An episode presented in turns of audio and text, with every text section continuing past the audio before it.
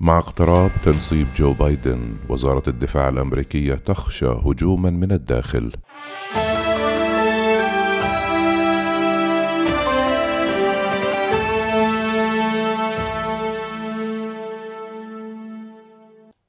كشف مسؤولون في البنتاغون أنهم قلقون من احتمالات حدوث ما سموه هجوما من الداخل.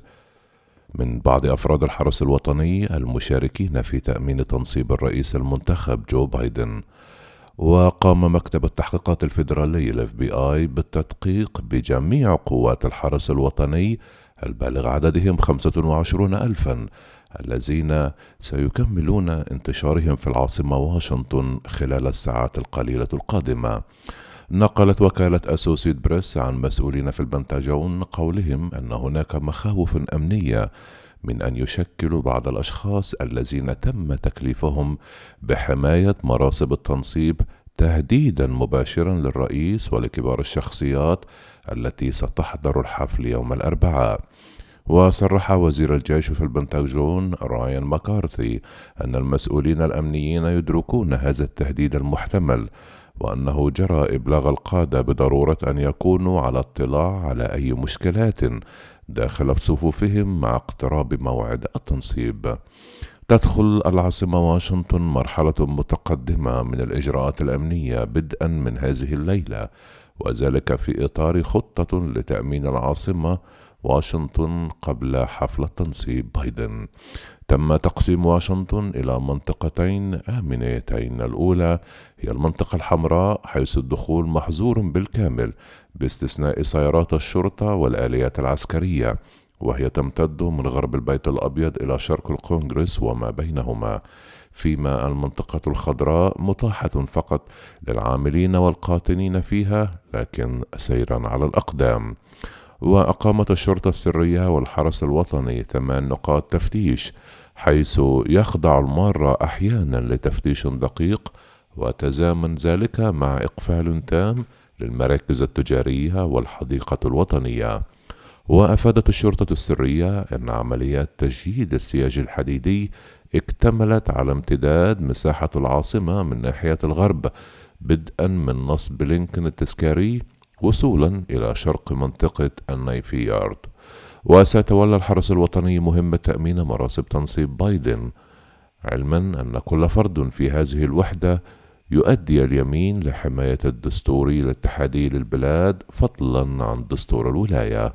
ولكل ولاية وإقليم في الولايات المتحدة الأمريكية حرس وطني. وعندما لا تكون وحدات الحرس تحت السيطرة الفيدرالية يكون الحاكم هو القائد الأعلى للوحدات في ولايته أو إقليمه ويتمتع أفراد الحرس الوطني بحق الدفاع عن أنفسهم دون أن يمتلكوا سلطة تنفيذ الاعتقالات إذ يرافقهم أفراد مكلفون بهذه المهمة وفق ما ذكر موقع ABC News ويمكن للحرس الوطني للولاية تنفيذ مجموعة متنوعة من الواجبات في استجابة للكوارث الطبيعية وأوقات الأزمات كما يمكن أن يشمل ذلك السيطرة على الحشود. ويتم تدريب رجال الحرس الوطني على تقنيات التحكم في الحشود واستخدام الدروع والهروات أي تقنيات لتخفيض أي تصعيد مرتبط بأحداث العنف.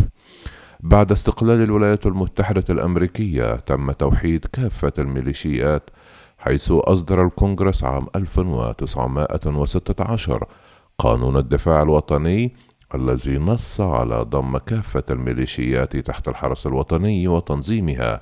وكذلك سمح للولايات بأن يكون لها حرس وطني خاص بقوات الاحتياط.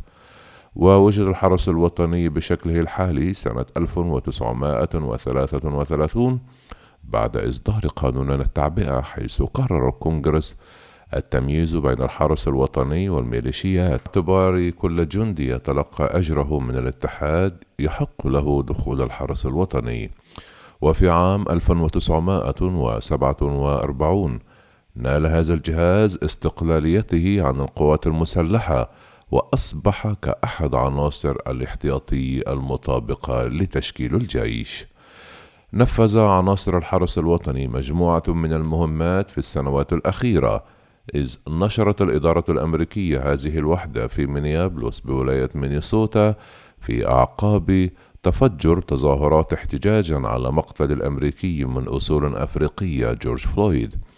وفي مارس المنصرم أعلن دونالد ترامب الاستعانة بالحرس الوطني لمواجهة تفشي وباء كورونا بإيصال الإمدادات الطبية إلى الولايات المتأثرة بالجائحة. ووزع الحرس الوطني في إبريل الفائت مساعدات غذائية على الأمريكيين الذين يعانون من أزمة معيشية. نتيجة حالة الإغلاق المفروضة لوقف تفشي كوفيد 19 في ولاية ماساتشوستس وفي الشهر ذاته شاركت الوحدة بتشييد مستشفى الميداني في سان فرانسيسكو مع احتمال تزايد الإصابات بفيروس كورونا. يتسع ل 250 مريضا في نفس الوقت. كما أمر ترامب في إبريل من عام 2018 بنقل قوات الحرس الوطني بواقع 250 جنديا على الحدود مع المكسيك لوقف الهجرة غير الشرعية للولايات المتحدة الأمريكية.